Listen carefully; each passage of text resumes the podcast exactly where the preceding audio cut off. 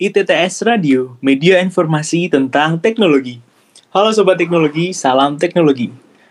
Kembali lagi bersama saya Muhammad Masum Junianto dari program studi Teknologi Informasi Angkatan 2020 bersama rekan saya Halo semuanya, saya Anindya Haliza Dianti dari Prodi Sistem Informasi Angkatan 2020, partner tersetia Kak Masum Junianto yang selalu okay. menemani dari episode pertama hingga saat ini.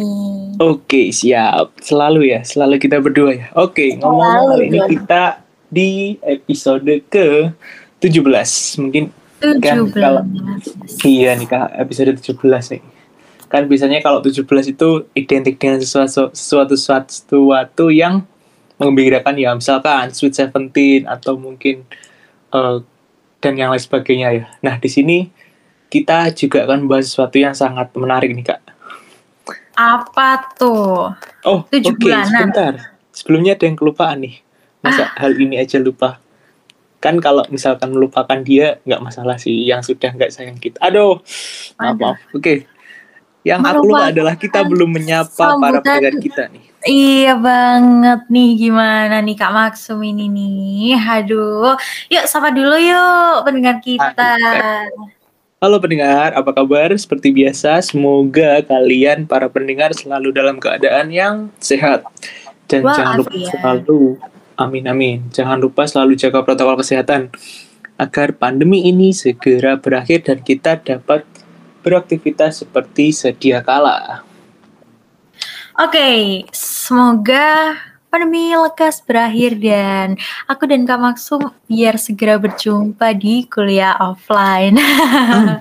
Oke okay, nih teman-teman, pada kepo nggak sih di episode kali ini tuh selain uh, angka episode 17 yang istimewa dan spesial, ada tema yang spesial juga nih di episode 17 kali ini nih. Coba kalian tebak apa yang akan kita bahas di episode Bintek ke-17 ini. Oke. Nih, mungkin aku kasih clue ya. Kan 17 nih, ada 17. 17 itu biasanya Sweet Seventeen itu. Nah, di usia 17 kan ada something-something yang uh, romance gitu ya. Biasanya uh, berduaan, pergi ke mana, ataupun naik motor, oh, atau yang lain? Umur Seperti 17 dapat SIM untuk nah. bisa mengendarai sepeda motor sejauh-jauhnya. Sejauh-jauhnya. Kita udah punya SIM ya. Ya, udah bebas. Dan SIM, surat izin mencintai. Aduh, eh. Aduh mengemudi. Mengemudi. Kok mencintai sih? Oh iya mengemudi kan ini, ini gimana ya? Aduh lupa kak Maksum. Gara-gara oh, iya. selalu bersama kak Maksum ya. jadi ingatnya surat izin mencintai. Aduh. Oke oke. Nih jadi nih ngomong-ngomong tentang mendapatkan SIM untuk mengendarai sepeda hmm. motor ya teman-teman. Jadi tema kita di episode 17 kali ini tuh adalah inovasi teknologi otomotif. Wih, nah, benar. sebelumnya kan uh, kita sudah membahas nih ya di episode hmm. sebelumnya itu inovasi teknologi apa itu Kak Maksum yang sebelumnya tuh ingat nggak? Ayo teman-teman ingat Ayo, teman-teman ingat enggak nih? Oke, kita kasih waktu dulu nih bagi teman-teman untuk mengingat-ingat. Mungkin dalam 10, 9, Kelamaan. Oh, Empat, tiga, dua, satu. Ah, pasti pada lupa ini. Atau kalian masih belum mendengarkan episode nah. sebelumnya? Wah, nah. parah sih. Harus ya yang belum mendengarkan, dengarkan dulu episode sebelumnya yeah. sebelum kalian mendengarkan episode di 17 ini. Hmm. Karena itu tadi episode Berkaitan kita tuh ya, selalu ah, ah menyambung dari episode ke episode tuh selalu berkaitan. Betul sekali. Nah, ngomong-ngomong kalau di episode lalu nih yang belum mendengarkan itu adalah tentang teknologi otomotif di bidang uh, lebih ke ini ya, lebih ke mobil ya. Nah, iya. kali ini juga kita akan masih tentang teknologi otomotif tapi lebih jauh lagi, lebih luas lagi, lebih mungkin kalau kemarin ada yang belum terbahas kita bahas lagi terus ada misalkan dari kan udah mau mobil nih sekarang saatnya motor mungkin yang kalian lagi hobi riding pakai motor bisa menggunakan teknologi teknologi ini untuk membantu kalian juga nih. Gitu ya kak iya betul banget. Seperti yang kita katakan di episode sebelumnya nih ya pastinya di episode hari ini nih kita bakal membahas tentang inovasi teknologi otomotif di bidang sepeda motor. Hmm. Sesuai banget ya seperti permintaan kita kemarin ke hmm. kreator, minta dibuat okay. untuk sepeda kan, motor akhirnya. Kan biar harus saling melengkapi, ada motor, ada mobil, ada uh, ada panas, ada hujan, ada kamu, ada aku, eh ada aduh, ini aduh, ada ini. Aduh, ngawur ya. Ngomongnya selalu ngawur nih. Ngomong-ngomong aku dan kamu tapi Kak Maksum. Oke. Okay Aku dan kamu dan sepeda motor. Kita berbonceng nah. ria melewati kota, menyusuri hmm? kota, menikmati dinginnya malam di Surabaya. Aduh. Aduh. Hmm. Oke. Okay. Tapi nih Kak Maksum ya, uh -uh. sebelum riding malam pasti yeah. ada hal yang harus dipatuhi kan. Nah, bener nih. Ini aku juga mau tanya nih ke Kak Nindi.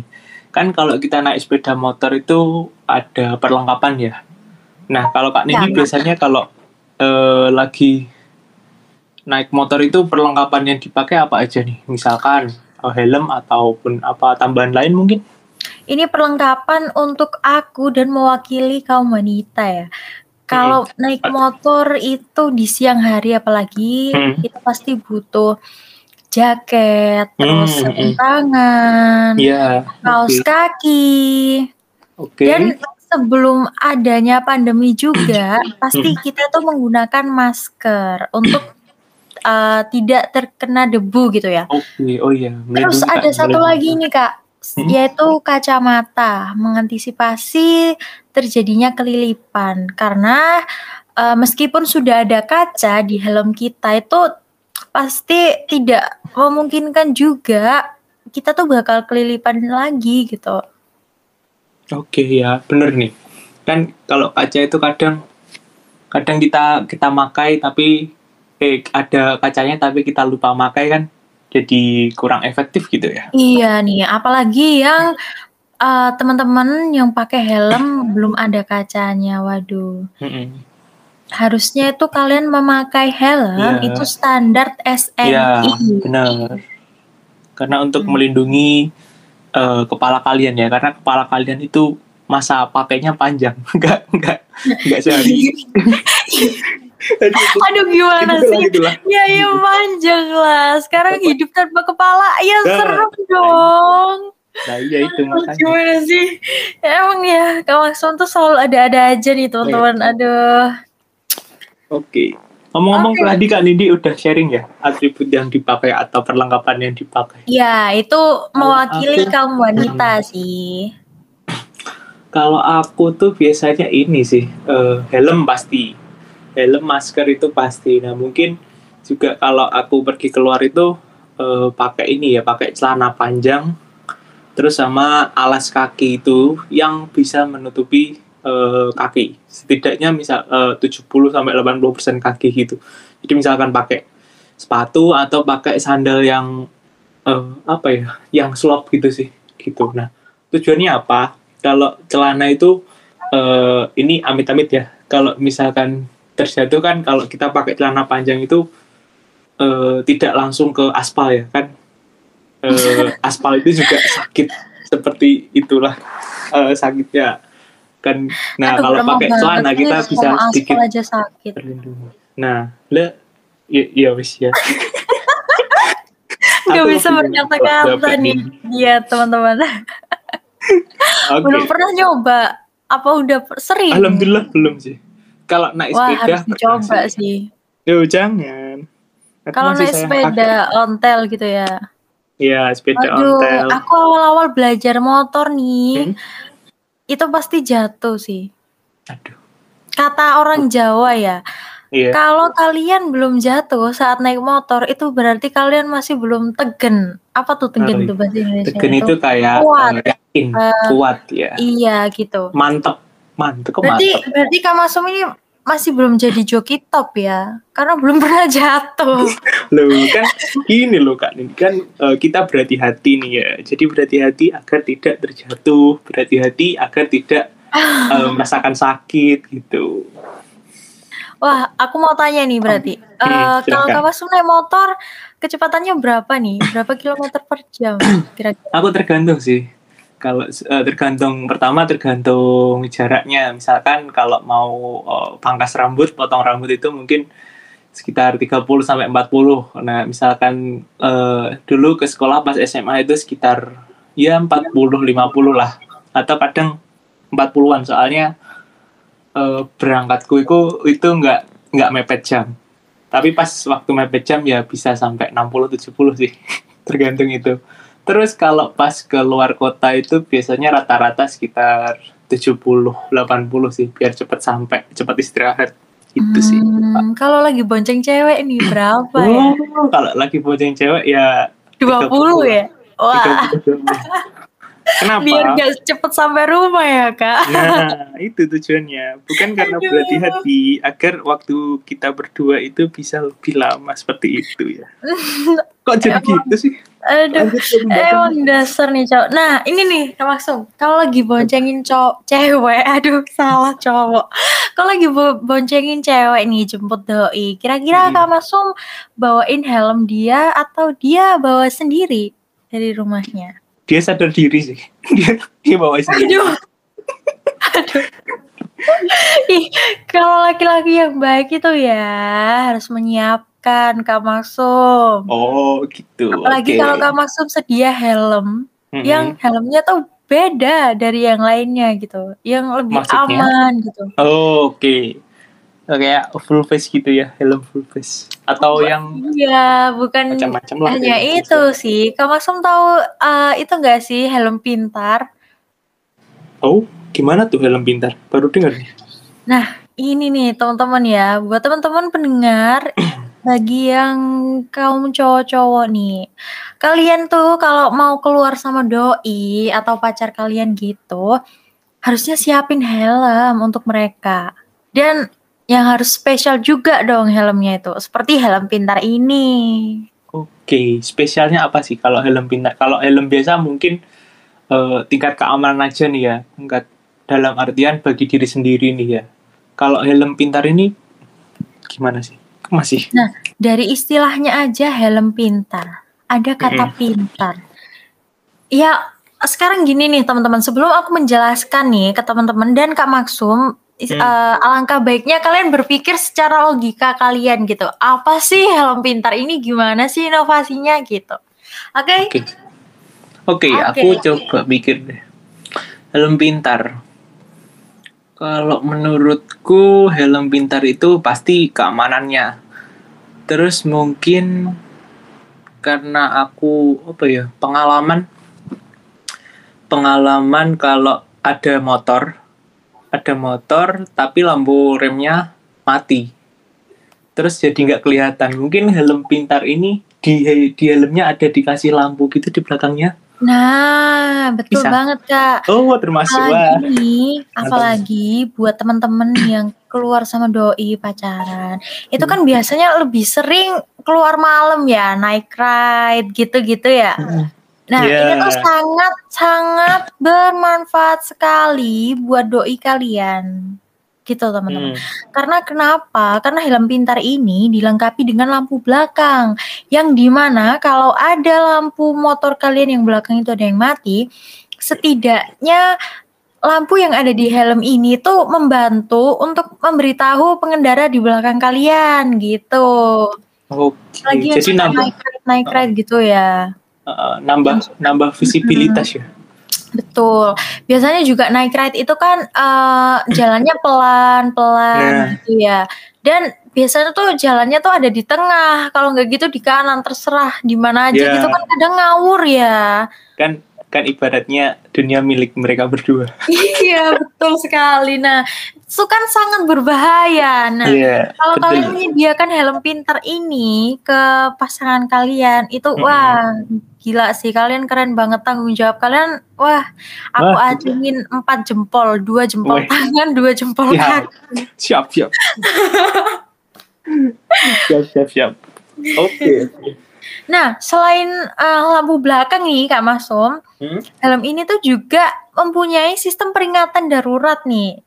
yang jikalau ya amit-amit nih terjadi kecelakaan gitu. Jadi uh, sistem pering peringatan darurat ini menarik uh, macam konektivitas Bluetooth uh, atau sistem komunikasi yang terintegrasi dan lain sebagainya seperti itu.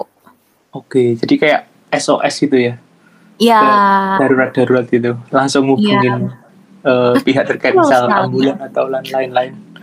919 ya? Eh 911 ya neng di kalau di luar. Kalau di sini kan apa? halo 911 bilang lupa deh. Ah masa triple nine di sini? Kayaknya semacam itu juga deh ya. Lupa iya. aku juga. Biasanya tiap ini soalnya kan tiap tiap daerah itu langsung ke ini biasanya ke ambulans rumah sakit daerah atau kepolisian pol pol pol polres polres gitu ya iya jadi berbeda-beda tiap daerahnya oke okay.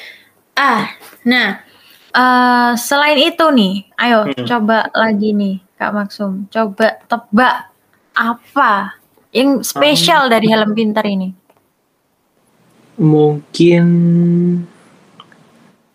kalau aku kan uh, kalau di rumah ya biasanya pakai helm. Eh enggak sih. Pernah pakai pernah pakai helm full face itu yang full itu kayak pengap gitu sih. Jadi kayak beralih ke helm yang apa istilahnya yang biasa aja sih. Mungkin bisa ada helm pintar yang mengatasi masalah itu yang pengap-pengap nah, itu yang lain. iya apalagi nih kalau berkendara di era pandemi seperti ini nah, itu kan pasti pakai masker ya Mm-hmm. Nah, Biar itu kan virusnya aduh pengap banget, panas banget gitu kan. Panas-panas berkendara pakai masker, aduh gila. Hmm. Itu pasti apalagi yang punya asma atau sesuatu aduh tersiksa nah, banget. Pasti berpengaruh. Tapi dengan adanya helm pintar ini sangat sangat sangat membantu kalian ya. Karena kenapa? Karena di helm pintar ini ada filter pernafasan yang dapat dicuci udaranya tuh teman-teman. Jadi uh, ada filter udara sendiri untuk udara yang Anda hirup gitu. Jadi dari uh, helmnya itu sudah ada filter gitu. Keren gak sih? Oke, keren nih. Pasti meminimalisir resiko kita.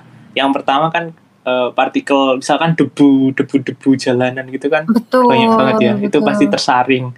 Terus mungkin virus juga bisa tersaring gitu. Ya. Lebih lebih iya, aman. betul. Lebih Apalagi nyaman. kalau kalian bersin tuh, bersin, batuk-batuk, wah itu beres lah gitu istilahnya ya. beres lah, aman lah gitu. Oh ya, bener bener bener. Nah, okay. coba nih kalian tebak hmm. Negara mana yang menciptakan helm pintar ini? Uh, Indonesia, OTW. Indonesia aktivis. Amin. Semoga yang membuat anak Telkom, Amin. Institut Amin. Teknologi Telkom Surabaya. Amin. Jadi nih teman-teman yang membuat helm pintar ini adalah negara Prancis yang di mana ada perusahaan asal Prancis itu hmm.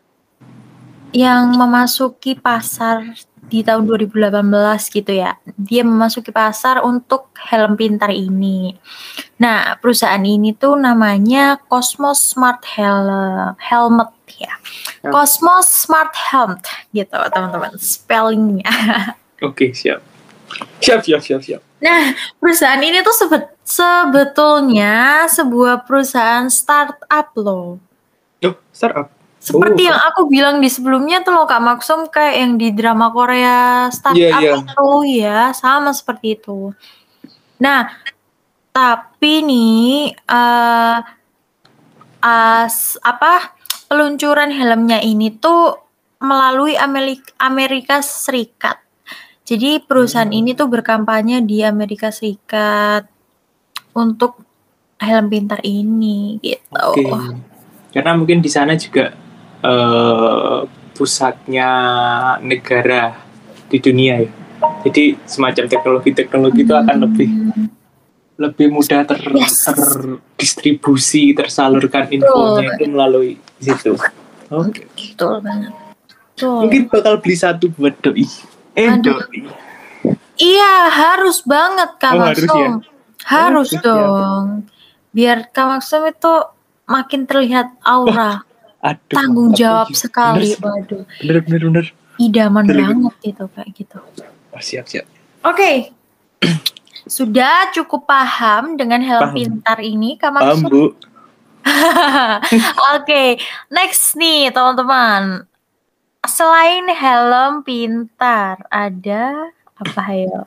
Ada. Ada Kawasaki Skyhook Suspension. Wih, Kawasaki Skyhook. Skyhook Suspension. Nah, Ini suspensinya ya berarti semacam apa ya? Istilah skoknya, skok. Ini para Wah, pengguna. Kawasaki Ninja ataupun versis ini mungkin sudah merasakan ya. Eh atau ini kapan nih peluncurannya? Wah Eh, ini tuh menarik banget loh untuk anak-anak motor nih. Waduh. Aduh, rugi banget anak motor yang nggak dengerin podcast kita di episode kali ini. Serius deh. Oke. Oke nih, biar biar nggak penasaran gimana nih Aduh, eh, Kawasaki Skyhook nih. boleh dong Kak Maksum yang mewakili nih. Oke, Karena aku wakili kan nih, Kak Maksum anak motor cowok Wih. gitu ya. Ya, motorku beat lama. Beat karburator. Silahkan, silahkan dibantu Oke. jelaskan ini. Jadi mungkin ba- bagi para pecinta atau pengguna Kawasaki ini mungkin eh, nggak terlalu asing ya. Jadi kan ini walaupun teknologinya baru ya, diluncurkan sekitar tahun 2021. Nah, jadi Kawasaki, Kawasaki Skyhook Suspension ini eh, mengacu pada suatu jenis suspensi elektronik eh, yang bagian belakangnya itu seperti ada penahannya atau pengaitnya istilahnya kalau eh, mereka mengklaimnya itu. Jadi semisal nih, semisal kita eh, lagi berkendara, terus ke dep- eh, di depan kita itu tiba-tiba kita nggak lihat ada lubang yang gede. Nah kita nggak bisa menghindarinya. Kita kan otomatis ngerem nih ya. Ngerem itu kan biasanya eh, rem kaki kanan sama kanan. eh tangan kanan depan. Nah itu kan Hmm. kemungkinan nanti bisa eh apa ya namanya Oleng. eh ke depan gitu loh kak Nidi, kayak standing Jungkir. ke depan. gitu. Nah jungkir, ke Jungkir. depan. Nah itu dengan antanya antanya sampai dengan adanya skyhook ini dia kayak menahan menahan si belakangnya suspensi belakang jadi dia nggak sampai keangkat jadi lebih aman gitu. I see. Hmm. Ini cocok banget buat motor ninja nggak sih? Ya ini punyanya ninja Yang walaupun belakangnya lebih dekat, eh lebih dekat, lebih tinggi. Iya, benar. Iya sih. Kan pernah pernah juga. Lebih dekat juga ya tapi ya. Iya. Kan kalau motor motor-motor gitu kan jok belakangnya itu tinggi kan ya. Iya. Terus pas yang Sangat dibonceng itu biasanya kalau depannya wanita. Heeh. biasanya kalau depan yang pengendaranya ngerem itu biasanya kita kayak keangkat dikit gitu badan kita keangkat. Iya kan? Bener banget. Sangat menyusahkan kaum wanita Nah. tuh. Terus akhirnya eh, membenarkan posisi duduk lagi. Terus ditanyain, "Loh, kenapa kamu sama enggak enggak apa-apa sama yang depannya?" Gitu sih. Nggak cocok kalau buat berboncengan laki-laki dan laki-laki ya Kak Mas. Iya, bener. Kayak aneh gitu. Aduh, apalagi nih kalau lagi cuman gebetan aja, tapi bahannya Hmm. motor ninja. Aduh, gimana ya? Malu gitu teman-teman jadinya. Kalian pasti ah, you know my feeling right. Uh, maybe I know. Oke, lanjut dulu. yes. Nah, tadi uh, uh, gimana? ya Tadi seperti apa? itulah. Eh. Oke, silakan Kak langsung dilanjut. Oke. Oke, jadi yang tadi ya eh, fungsinya untuk pengereman agar dia No, tidak like- sampai jungkir ke depan. Nah, tujuan lain nih, nah ini eh, menarik nih. Tujuannya untuk meningkatkan juga stabilitas motor pada permukaan jalan yang tidak beraturan. Kan tahu kan ya, jalanan kita itu eh, banyak yang sering banyak yang berlubang nih ya. Jadi kan kalau kita berlubang ber- eh, jalannya berlubang kadang kayak langsung ke bawah ke atas itu kita kan ngikut ke atas ke bawah gitu ya. Nah, dengan adanya suspensi ini atau eh, skoknya ini eh ke bawah ke atasnya itu kita tidak terlalu banyak. Jadi eh, rasanya masih seperti di jalan yang eh, yang lurus yang stabil yang landai itu. Hmm, gitu ya, sih. ya, ya, ya, ya. I see. Aku bisa membayangkan nih Kak Maksum. Hmm. Oke. Jadi Oke. nih berarti ya Sky namanya aja Kawasaki Skyhook Suspension. Jadi cuman ada di brand Kawasaki aja ya. Iya, eh, untuk di eh, teknologi ini tuh ada di Kawasaki, tepatnya di Kawasaki versus 1000 versus 1000 yang eh, yang tur motor Kawasaki yang touring itu yang gede, terus sama Kawasaki ZH2 SE. Nah, ini juga dilengkapi sama yang, namanya electronic control suspension. Nah, untuk Nah, kalau ini misalnya dia- beat pakai itu lucu kali ya. misalnya apa? Beat pakai itu lucu kali ya. Bisa. Bisa, asalkan joknya dinaikin dikit juga Iya, gitu ya. Gitu sih. Kalau uh, Tapi- buat motor. Itu lebih ke motor anak racing ya. Iya. Iya. Ada kan ya itu ya motor beat Ada, ada. anak racing tuh yang dimodif tinggi belakangnya tuh ada gitu. Di, biasanya dikasih skok 2 sih. Kasih suspensi 2 yang agak tinggian. Itu buat laki-laki yang suka ngerem-ngerem dada sih. Iya sih. Aduh, makin ngawur nih. Oke, kita lanjut aja nih ya. Ya, Selanjutnya yuk. nih ada yang namanya adaptive cruise control. Nah, teknologi adaptive cruise control ini eh, ACC bukan suatu hal yang baru dan juga sudah ada di beberapa mobil di beberapa tahun ini ya. Apa tuh contohnya? Mobil-mobil apa itu?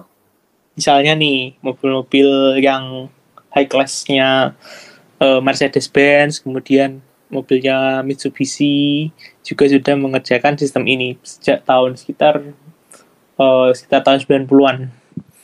Nah, kalau dalam motor ini sekitar tahun 2010 baru mereka eh, memulai teknologi ini secara serius. Oke. Jadi cuman ada di Mercedes-Benz sama Mitsubishi aja ya? Ya, pada zamannya sekarang sudah lebih eh, lebih lebih luas, lebih luas lagi sih. Misalnya di motor-motor Ducati, terus eh, BMW, Kawasaki dan juga KTM itu eh, mereka juga akan menggunakan ini sih, menggunakan teknologi ini. Eh, Hmm, jadi eh tapi nih Kak Maksum ya, hmm, pada akhir 2020 ini ternyata perlombaan antar merek brand ini tuh dimulai loh. Iya, iya kan mereka saling saling ini sih saling beradu teknologi agar Mm-mm. agar agar minatnya uh, pembeli customer itu uh, tetap pada merek-merek nah, kan kadang itu ada orang yang uh, harus merek ini dia suka misalkan ada orang yang suka uh, Ducati dia beli Ducati misalkan Ducati apa Ducati apa gitu aku nggak terlalu hafal sih mereknya nah atau mungkin yang lain KTM nah, dan lain-lain seperti Ya, itu ya, ya. Oke, see. Ini eh, sepertinya emang dari dulu ada. Soalnya kan dari dari film itu loh, Fast and Furious. apa Mm-mm. Iya kan, pastinya mobil-mobil di Fast and Furious itu udah pakai adaptive cruise control. Iya kan? Iya, tapi nggak nggak ini, nggak nggak di itu kan secara langsung dah. Kalau belum tahu nih eh, ACC ini atau Adaptive Cruise Control ini dia eh, dapat mengidentifikasi area di sekitarnya. Misalkan nih di depannya itu ada kendaraan lain atau mungkin di di depan atau di belakangnya itu ada kendaraan lain. Terus juga eh, seperti sistem pemantauan eh, blind spot ya atau titik buta dari mobil itu. Misalkan di bagian belakang belakang bawah itu kan nggak kelihatan ya eh, dari mobil. Atau mungkin samping kanan samping kiri kan nggak nggak bisa kelihatan kalau dari spion. Kecuali kita pakai spi- spion bulat yang yang cebung itu bisa agak sedikit terlihat sih. Nah, dengan adanya, adanya teknologi ini tuh eh, semacam radar ya. Jadi bisa mengetahui eh, kondisi-kondisi di sekitarnya. Seperti itu. Kurang lebih. Oke. Ini juga Oke, ini sih oke. kalau di motor eh, motor sampean di mobil Tesla juga Mhm. sudah ada sih. Eh, kan membantu jarak aman nih berarti ya kalau kan kalau kita mengaktifkan autonomous drive-nya Tesla itu Mhm. bisa eh, misalkan jarak kalau di depannya ada mobil misalkan jarak 5 20 sampai 50 meter ada mo- mobil itu si Teslanya ini otomatis mengurangi ce- kecepatan sampai berhenti. Jadi nggak sampai terjadi tabrakan itu. Oke. Nah, berarti nih ya Hmm. ngomong-ngomong tentang eh, merek-merek mobil yang sudah ada adaptive cruise control nih. Hmm. Secara tidak langsung mereka mempunyai sistem pemantauan blind spot ya, betul Ya, yang seperti benar. Mas katakan itu kan ya. Ya, benar. Berarti nih pemantauan titik buta blind spot monitoring system. Nah, itu berarti juga ada eh, layar berbagai layar kan ya? Tidak ya hanya bisa. satu gitu kan ya? Hmm. Ada beberapa gitu kan ya? Ya kan untuk Nah, untuk memberikan infonya itu. eh eh, like tampilan layar terpisah gitu kan ya. Pastinya kalau mobil-mobil Iya. canggih seperti itu kan nggak hanya satu gitu ya. Pasti Ya layarnya nggak cuma satu. iya. Nah, apa sih namanya Kak Maksum kalau tampilan layar terpisah itu eh, split, Split screen, screen. display. Ya, split- nah, kayak iya. Iya, nah itu tuh fitur yang uh, sudah tersebar luas loh ya di industri Mm-mm. otomotif. Iya di sepeda Mm-mm. motor. Misalnya di sepeda motor misalkan eh, ininya ya eh, apa speedometernya itu bis- eh, kan udah digital juga dan juga ada yang sudah bisa split screen misalkan Eh, eh, tapi sisi tapi nih, Hmm? aku belum pernah nemu loh sepeda motor yang mempunyai split screen display ini. Sepertinya belum ada yang uh, memakai itu di sepeda motor tuh Kak Maksum. ya kalau di sepeda motor eh iya sih belum ketemu juga sih mungkin ada tapi kita belum belum belum nemu aja sih tapi kan Sepertinya sudah ya. Mm-mm.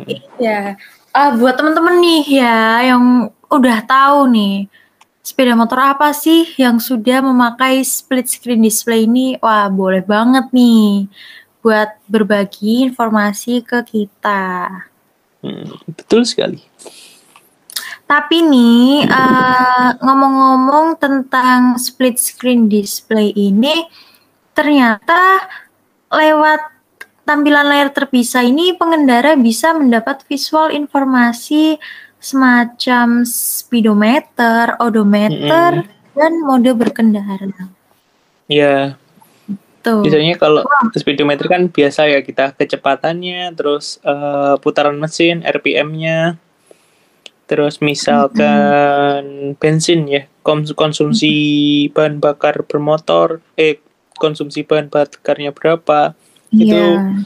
eh, bisa ditampilkan di melalui split screen ini Dan ini tuh Kemudian memakai odometer. sebuah aplikasi ya, ya memakai sebuah aplikasi. Mm-mm. kayak disinkronkan gitu sih Aplikasinya itu MySpin. MySpin ya oke nanti Mm-mm. coba deh aku cari Dan eh, ternyata nih perusahaan yang membuat eh, split, split screen display ini tuh adalah Bosch, Bosch gitu. Bosch. Spellingnya gimana? Eh, spellingnya tuh B B O B O S C H. C H. Bosch. Bosch. ada sih. Eh, apa? Apa namanya? Busi. Busi motor itu mereknya Bosch. Ada. Udah udah maksudnya udah perusahaan yang besar sih Bosch. Nah, betul.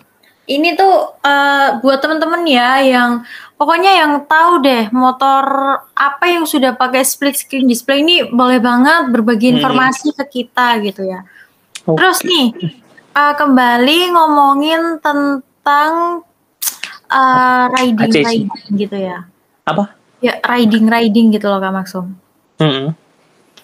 Biasanya tuh kalau uh, sebuah anak motor gitu ya. Kalau orang trip ya klub motor lah ya klub Iya. motor klub motor itu kalau lagi ngetrip luar kota gitu kan biasanya bikin konten ya Iya, benar. Nah, biasanya Filmnya- kontennya itu pakai kamera yang luas banget tuh yang Iya. wide ya yang wide Webcam, ya webcam. Soalnya kan seperti GoPro ya, kamera GoPro 360 360. Heeh. Nah, ini tuh malahan yang aku bahas ini tuh bukan GoPro-nya sih teman-teman, tapi lebih ke kamera 360 Tiga- karena Kenapa? eh, karena itu kalau GoPro itu belum tentu bisa jadi 360 ya.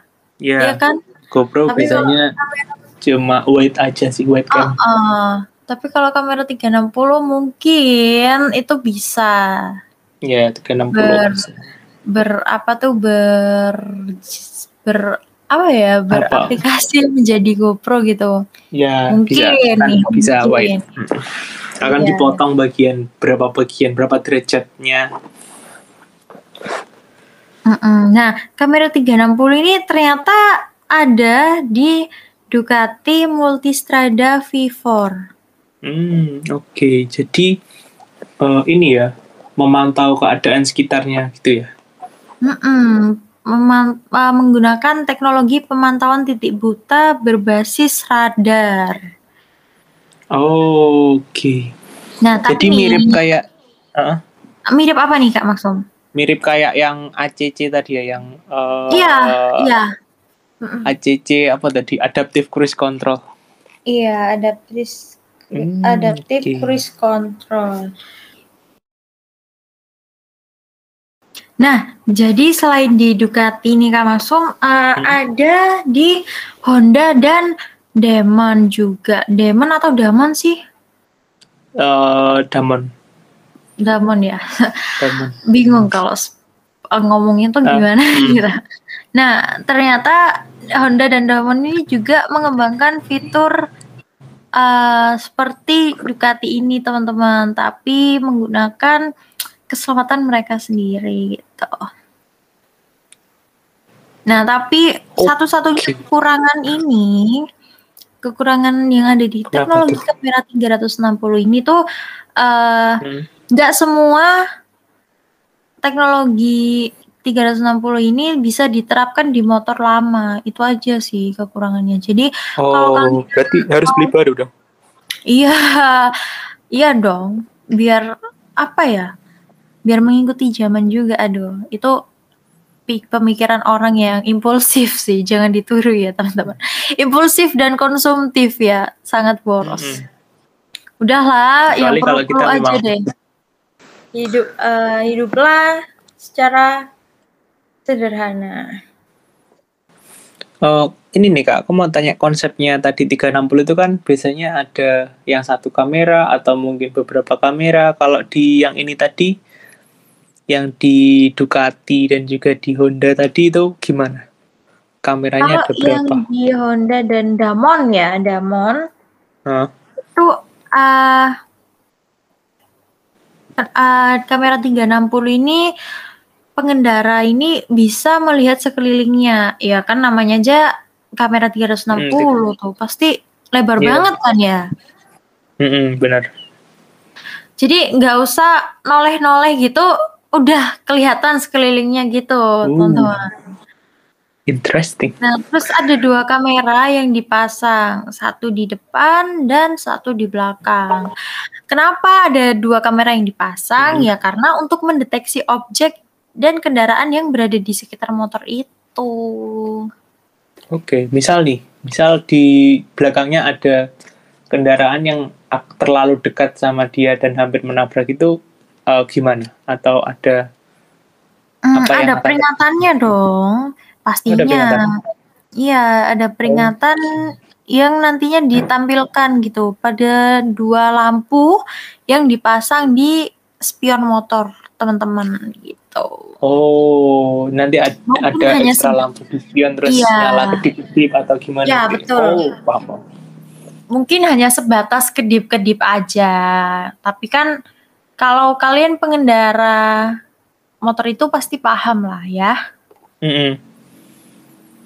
Iya kan sangat ini sih. Kalau di spion kan biasanya kita langsung eh, noleh dikit kan kelihatan. Jadi kayak langsung eh, langsung tahu gitu kalau belakang ada kendaraan yang terlalu dekat. Ah, ah. jadi kalau kalian mau putar balik itu enggak eh, atau mau ngeriting kanan, ngeriting kiri itu nggak usah pakai lihat spion lagi, nggak usah kayak Hmm. agak noleh sedikit gitu. Mm. Udah lah. Wes langsung gaspol reblong. Eh, tapi jangan gitu. Gaspol, Jangan gitu, jangan gitu. Aduh. Kali ini sepertinya suka ngebut-ngebut. nih. Wah, iya, aku kalau ngendarain motor tuh nggak bisa slow Kak Maksum. Oh gitu, I see. Iya. Kenapa? Kenapa ya? Biar cepat sampai atau? Iya, soalnya kan kalau naik motor tuh panas kan ya. Ya. Jadi nggak suka aku lama-lama di jalan itu. Oh, I see, I see, I see. Oke, move deh. Hmm, Oke, kita setelah ke- ngomongin kamera 360 Mhm. nih. Ada lagi itu celana airbag. Lucu Uh. ya, celana airbag. Apa sih itu? ke mungkin celana airbag kalau aku pernah lihat di salah satu postingan itu bukan celana sih dia lebih ke jaket jaket airbag jadi kalau orang mau jatuh eh, berapa derajat kemudian gitu eh beberapa saat kemudian pas dia jatuh itu kan kalau orang jatuh kan miring kan Hmm. itu kan dia kayak membentuk sudut wis, membentuk sudut berapa derajat gitu misalkan Iya. Nah, kayak pas sudutnya X tertentu gitu, langsung si jaketnya langsung mengembang kayak airbag, Wup, jadi kayak balon gitu, terus pas jatuh jadi aman. Mungkin celana airbag ini eh, cara kerjanya sama atau gimana? Jadi kayak semacam ikan kembung gitu ya. Iya, iya sih. iya, jadi kan. Ya. Oke, nanti tak kasih tahu deh postingan. Kalau masih ada. Kalau masih kesimpan sih. Oke, oke, oke. Semacam ikan kembung. Oke. Kalau yang di celana ini, Nah, ternyata nih ya teman-teman ya, lagi-lagi yang menciptakan celana atau jaket airbag ini tuh adalah perusahaan startup asal Perancis Oh. juga. Startup lagi. Iya nih, yang sedang melakukan crowdfunding proyek, crowdfunding project, project crowdfunding ya, gitulah. Hmm. Nah, nama perusahaannya ini adalah CHR Dynamics. Oh, pantes namanya aerodynamics. Mm-mm. Nah, udara yang be- bergerak secara dinamis. Nah, eh, produsen apparel ini yang mengenalkan itu Danish, Alpine Stars, Klim, dan Helit. Jadi ada empat orang produsen, ya, empat produsen Oh. apparel gitu. Eh, merek dia nih. Iya betul, Danish, Alpine Star, uh, Klim dan Helit. empat Oh, empat apa ya, empat person, empat eh, produsen. iya empat Al- Star Hmm. itu kan itu biasanya eh apa ya? Jaketnya, jaket apa pakaian-pakaian deh, pakaiannya. ya, pakaian pakaian pembalap MotoGP itu kan Mm-mm, kebanyakan mm-mm. dari Alpine Star atau Danish. Terus kalau kalau semisal jatuh kan langsung juga mengembung ya kalau di slow motion kita gitu. Iya, iya, iya, keren banget. Kelihatan kayak ngembang dikit terus jadi aman. Nah, Oh, ini pemicu kembangnya ini ada kabelnya loh Kak Maksum. oke. Jadi ada Ada kabel yang menggunakan mm, semacam tabung gitu, tabung udara yang udah terkompresi gitu. Oke, oke. Nah, Jadi terus udaranya kenapa kenapa jadi apa jadi? jadi ada sensornya terus kabel kalau eh, sensornya mendeteksi adanya eh, jatuh mungkin langsung ngirim ke udaranya buat ngembung menggembung mengem, menggembungkan itu atau gimana Meng- Eh, menggembungkan Iya, Jadi uh, udaranya ini tuh akan mengembangkan empat kantung yang Hmm. terletak di sisi paha dan betis. Jadi kan kalian masing-masing Oke. punya dua kaki ya. Ya, benar. Nah dua kaki tuh pasti dua paha dan dua betis. Nah Oke, jadi jadi gitu. ada empat itu tadi. Empat kantong Hmm. udara. Mm-mm. Oke, Dan terus sama. celana ini tuh juga memiliki lapisan tipis busa poron XRD yang uh, untuk berfungsi memiliki perlindungan tambahan gitu. Berfungsi Mhm. memiliki perlindungan tambahan ya. Jadi meskipun pengaturan saat ini terasa agak kuno, tapi perusahaan mengonfirmasi bahwa mereka berencana untuk meningkatkan ke sistem pemicu elektronik. Oke, dia jadi masih kayak apa ya? Analog. Apa ya Oh, sebutnya? oh. Analog gitu ya. Kalau Iya. kita nyebutnya di inform eh, di teknologi atas sistem informasi. Tapi udah ini sih, udah sangat membantu kalau celana airbag nih. Kan kalau kita naik motor kan eh, kemungkinan kalau kita jatuh nih ya ke kanan atau ke kiri kan yang kena itu kaki sih ya kebanyakan. Ah, ah. jadi mm, lebih ke mungkin ya semacam kayak jumpsuit gitu ya. Ya bukan, Iya.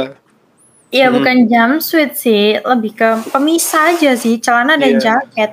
Iya, pa- eh, dipakai terpisah.